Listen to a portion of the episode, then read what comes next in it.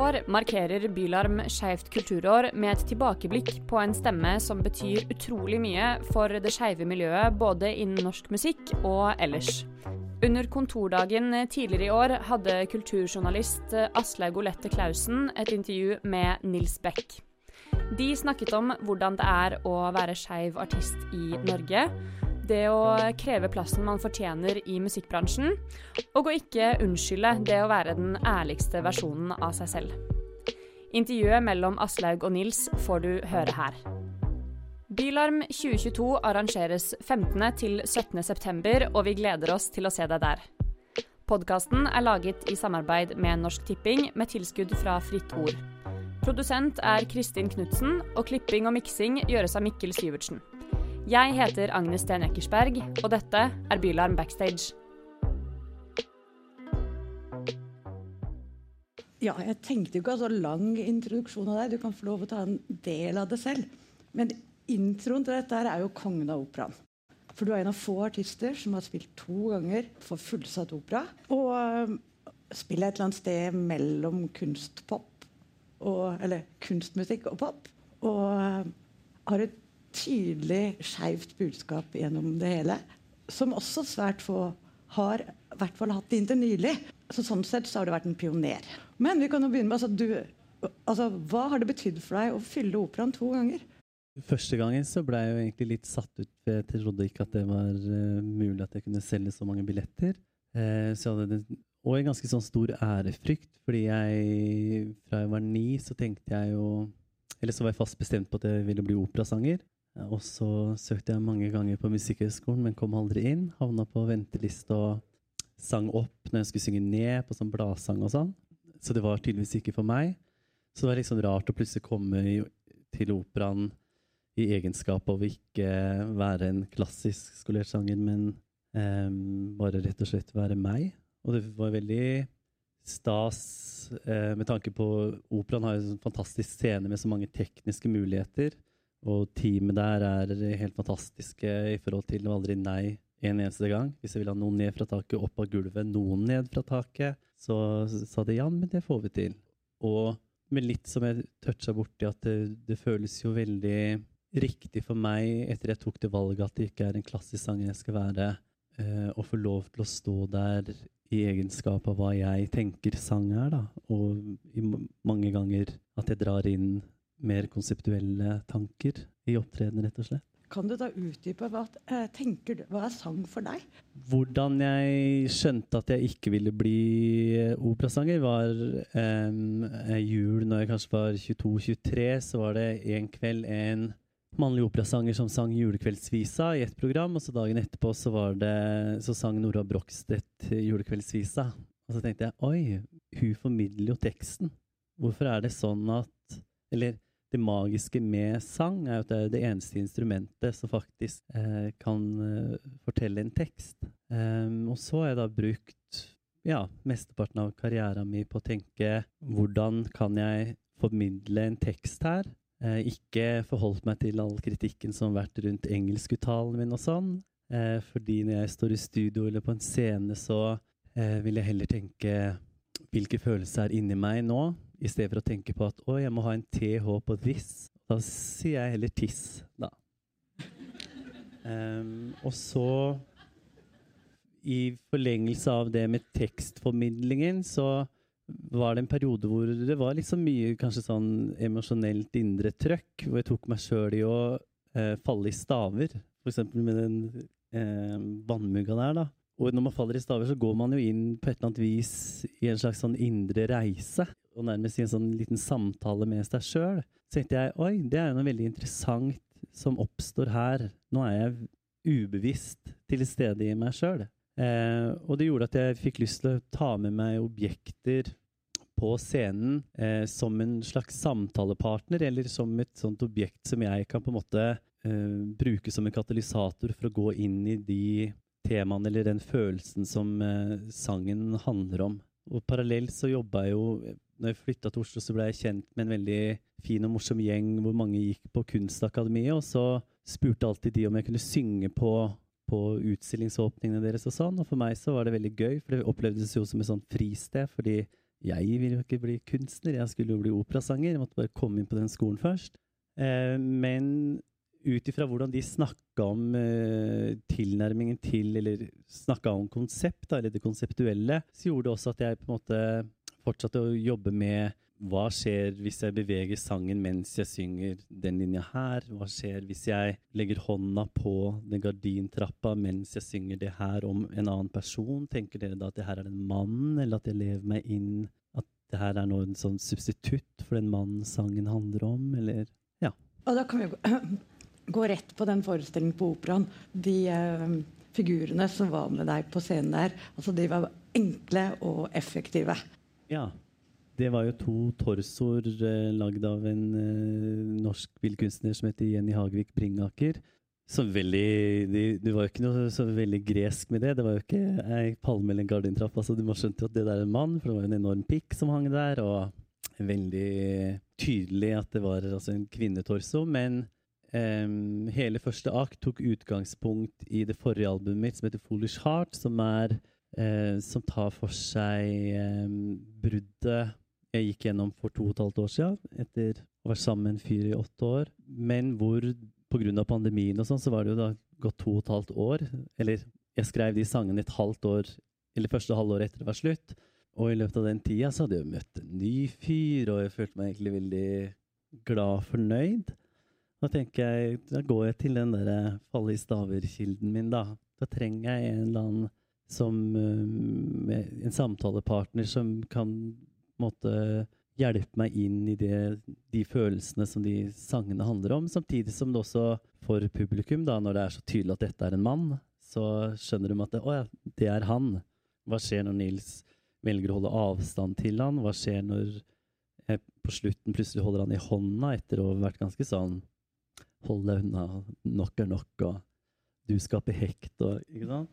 Men samtidig så er det fremdeles en kjærlighet der, selv om det er slutt. Og så var kvinnen representerte da den eh, eksdama hans, som jeg følte var altfor mye til stede i det forholdet. Så jeg synger jo i den ene sangen at jeg føler meg som Diana. Så han da Charles og hun Camilla Parker Bowles, liksom. Sist gang jeg snakka eh, med deg, så var det jo om denne skiva. Og da snakket vi en del om hvordan det var altså din frykt eller Eh, frykten for bifile. Måte, eh, hvordan du på en måte lagde musikk av det. Ja, og det var nok kanskje litt sånn naivt sagt, men jeg syns jo det er interessant at vi skeive som en minoritet også innad i gruppa ikke er noe bedre kanskje enn uh, hva vi ønsker at de andre skal være i møte med oss. Og for min del så var det så enkelt at jeg tenkte å ja, men hvis du liker begge deler, hvordan kan du kan jeg, jeg kan jo ikke gi deg den avdelinga der, så hun kan. Eller jeg kan ikke Og så jo var utrolig naivt, fordi som han sa, velger du hvem du forelsker deg i? Det handler vel ikke bare om hva som foregår her, liksom. Men eh, så det at det, det var en kvinne, tror jeg, eller ser jeg ettertid, egentlig ikke var et problem. Det kunne like mye vært en mann. Det er vel mer det at man føler at noen At et rom er tatt. At det er noe i det man på en måte går inn i et forhold, og i hvert fall som jeg ønsker at et forhold skal være, at du tenker at du er noen sin nærmeste, så tar det en plass. En viss plass. Og jeg opplevde at de ikke på en måte hadde helt, helt slipp på den plassen. Så var ikke, jeg var ikke redd for det seksuelle, men det var som om um, han hadde to som var liksom de nærmeste i livet, da, og det syns jeg var uh, utfordrende. Så god selvtillit rundt uh, kjærligheten har jeg ikke. Eller hadde ikke. Nei, en annen side av dette er jo uh, Jeg nevnte jo i introen om hvordan du har vært pioner i, med skeiv musikk. Altså, du har aldri unnlatt å bruke pronomen 'han', som jo er en utfordring mange har latt være. Eller har du det? Jo, det må jeg nok si at jeg har. Men så er jeg ikke sikker på om jeg har gjort det bevisst eller ubevisst, rett og slett. Men jeg har i hvert fall vært veldig tydelig på at det er umulig å ikke skjønne at jeg er homofil, hvis du ser en opptreden med meg. Og noen ganger så tenker jeg at jeg kanskje har pusha meg sjøl litt lenger enn hva jeg egentlig har klart å stå i. At jeg hadde en periode hvor jeg kjente Oi, to dårlige hvisker før du går på scenen. Her er du inne på et, en, en, dårlig, en dårlig sti. Og så måtte jeg kjenne etter hva handler det om. Jo, ok, jeg driver og pusher meg sjøl til å skulle danse og holde på. Kanskje jeg ikke er så trygg på om jeg er en dyktig danser, eller hvorfor skal jeg danse, eller Det finnes jo masse andre dyktige dansere der, der. Skal jeg heller gi de plassen? Men mest av alt så har jeg på en måte jobba mye med de her, her eh, feminine bevegelsene, eller fordi jeg aldri sjøl hadde opplevd å se, de, se denne i aksjon. Eh, og jeg følte at jeg på Viksund, hvor jeg kommer fra i oppveksten, på en del områder av livet tilpassa meg veldig for å ikke bli mobba eller banka eller eh, Og så bestemte jeg meg for at jeg skal i hvert fall aldri holde igjen en dritt på scenen. Men så pusha jeg noen ganger da litt for mye. Og så har jeg vært veldig åpen i intervjuer. selvsagt. At det her handler om det første året med den mannlige kjæresten min, eller den sangen handler om at det sto i Dagbladet at jeg var feminin, og at jeg skammer meg over å være feminin. og så sånn sett kanskje jeg har vært litt, eh, selv om det er rart å si, da, pioner i det. Men det er også fordi jeg savna at det har vært andre tydelige, åpne mannlige artister i, som er sangere, da, eller som adresserer det i musikken sin, eller på scenen i Norge. Og så syns jeg det er fantastisk nå at Ramón tar liksom strømrekorden hvor han synger om en hann som har såra han. Når jeg så det på den støttekonserten til for krigen i Ukraina fra Nationaltheatret, så uh, fikk jeg en stor klump i halsen, for det har jeg aldri sett på skjermen før. jeg. I hvert fall ikke på norsk TV-skjerm. Og det sier noe om at uh, vi har kommet et godt stykke, men vi har ikke kommet langt nok, da, tenker jeg. Altså, det er skjevt um, kulturår i år, som jo uh, altså Forestillingen på Operaen var en del av deres markering. Mm. Du har fått støtte til å utvikle et prosjekt fra ja. Fritt Ord, sant? Ja, eller jeg har fått tekststøtte fra Fritt Ord til det, mens resten er bare vanlig sånn albumstøtte. Så veit jeg ikke om de ga støtte fordi det er homo... Eller jeg gjør et prosjekt nå hvor jeg gjør um, kjærlighetsduetter med andre norske mannlige artister. Fordi jeg har gått freidig ut og sagt at det er et tomrom i den norske sangboka hvor eh, den eh, homofile kjærligheten ikke er representert. Og godt var det at jeg sa det i januar, eh, før Ramón kom og klaska den OKL over i bordet. Men eh, at han sier 'han' en gang i den låta, er fantastisk. Men det betyr ikke at vi ikke trenger flere. Og jeg veit i hvert fall ikke om noen kjærlighetsduetter på norsk mellom to menn. da. Så da tenker jeg at da får jeg ta det, ta det rommet der, da.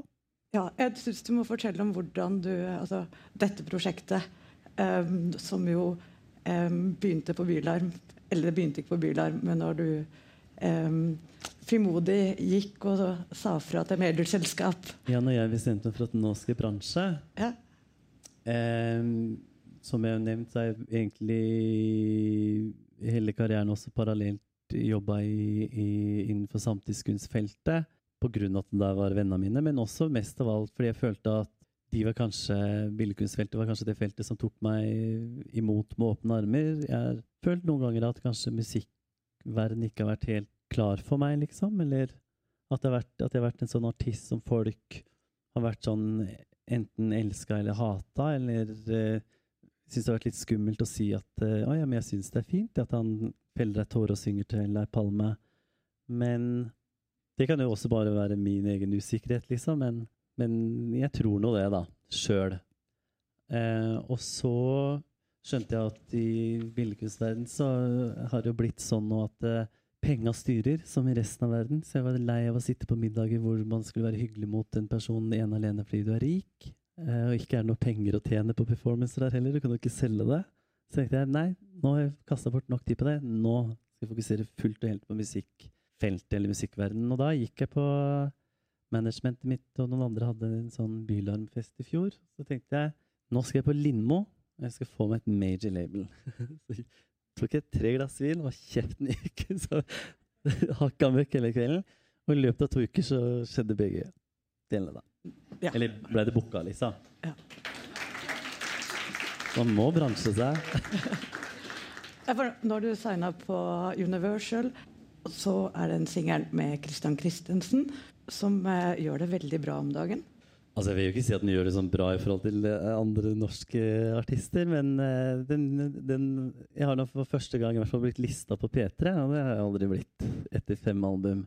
som jeg noen ganger også tenker Er det engelskuttalen, eller for anmeldelsene har vært gode?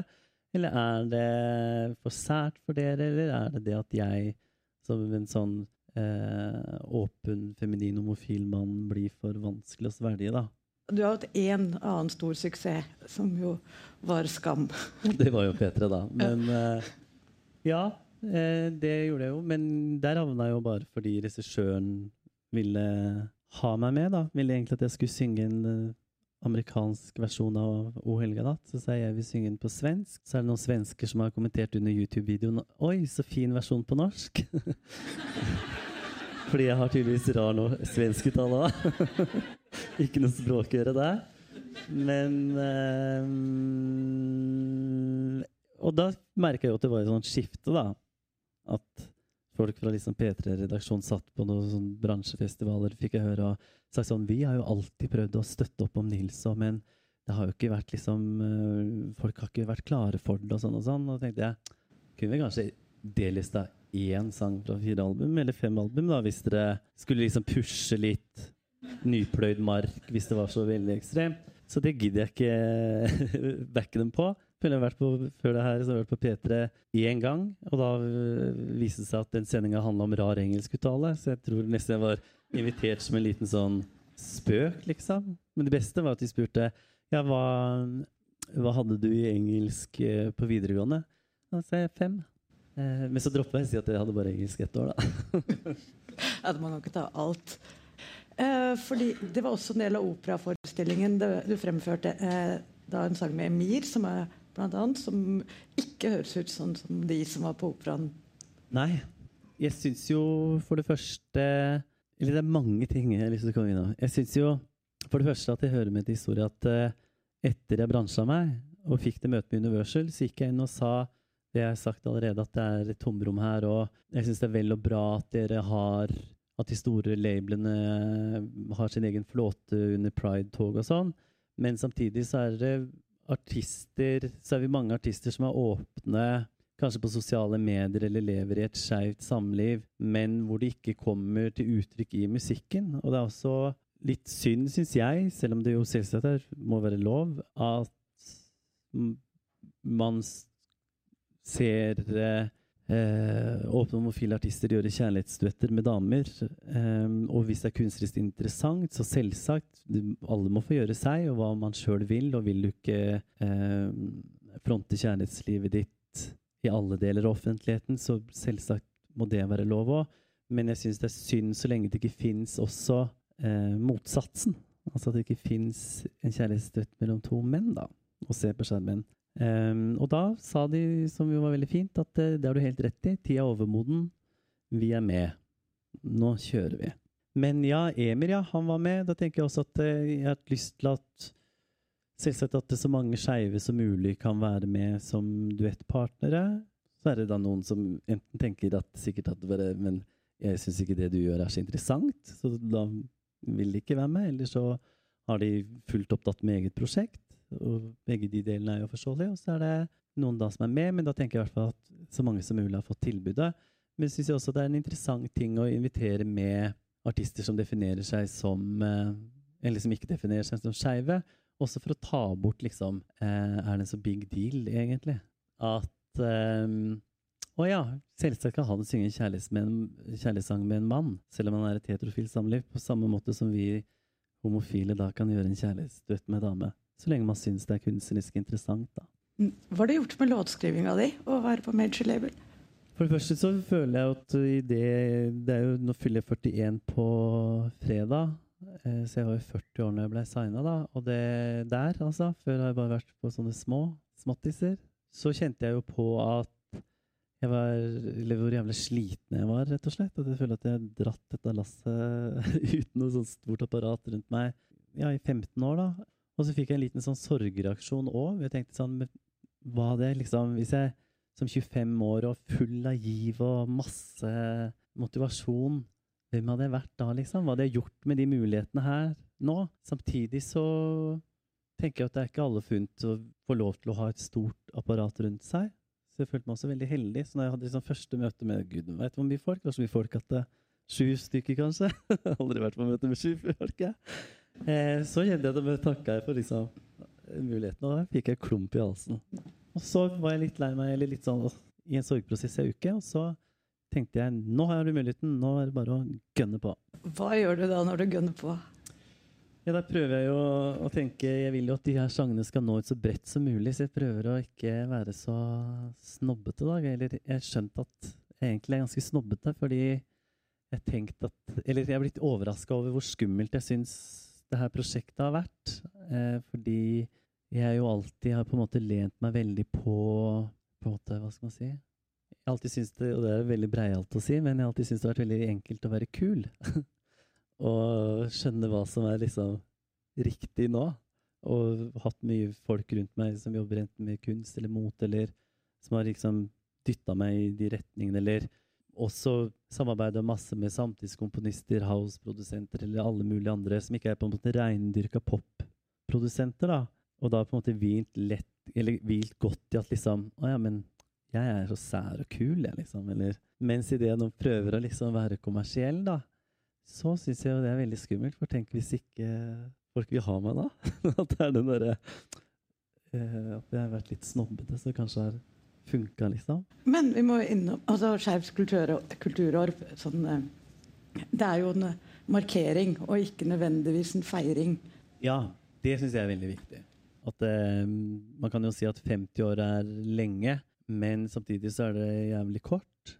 Jeg er født i 81. Det er altså ni år etter det ble avkriminalisert. Og den, i den lovhjemmelen, er det det heter, så var vi i samme setning som folk som hadde sex med dyr, og strafferamma var det samme. Så du fikk ett år. Eh, det absurde er at damer som har sex med damer, var ikke nevnt engang. Sikkert fordi de tenker at kvinner har jo ikke sin egen seksualitet. Når den loven ble vedtatt, sikkert en eller annen gang på 1800-tallet eller I don't know. Men eh, så tenker jeg at vi nordmenn er jo glad i å tenke på oss sjøl som et sånn lovlydig folk.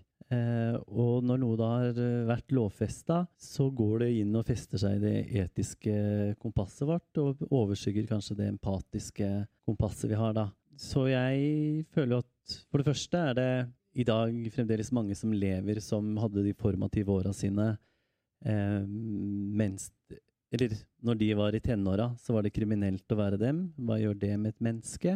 Jeg føler at jeg vokste opp i en skygge av den loven, og hva folk på en måte ser eller tenkte rundt homofili. Og så er det sånn med alle minoritetsspørsmål at historien viser at med en gang vi slapper av et kvarter, da, så går vi tre skritt tilbake. For vi menneskedyret er vel sånn at vi ønsker å være en del av en gruppe og føle, føle en tilhørighet. Du sa jo du har ingenting å takke, eh, takknemlig for at du er forbanna. Hvordan bruker du dette raseriet når du jobber? Det bruker jeg til å være ganske sånn skamløs, liksom. At jeg bare tenker at faen, jeg kan vel ta så mye plass jeg bare vil. Og spørre hvem jeg vil om å være med. Og, ja, og ikke mm, bite ting i meg, liksom. Noen ganger så kan jeg også tenke er jeg et produkt av min generasjon? Altså at jeg, at jeg får bare liksom eh, hva skal vi si, mental juling opp igjennom, så klarer jeg ikke se at nå er det helt andre tider. Og så klarer jeg å se deler av det, liksom, men jeg bare klarer ikke å si at det er nok. Men gjør det det mindre sant, hvis det er fra ditt ståsted? Hva da? Gjør det det mindre sant dine, når det er fra Mitt, Min forståelse av det? Ja. ja det er et godt poeng, egentlig. Nei, det gjør vel kanskje ikke det. Tusen takk for at du hørte på denne episoden av Byland Backstage. Vi høres i neste.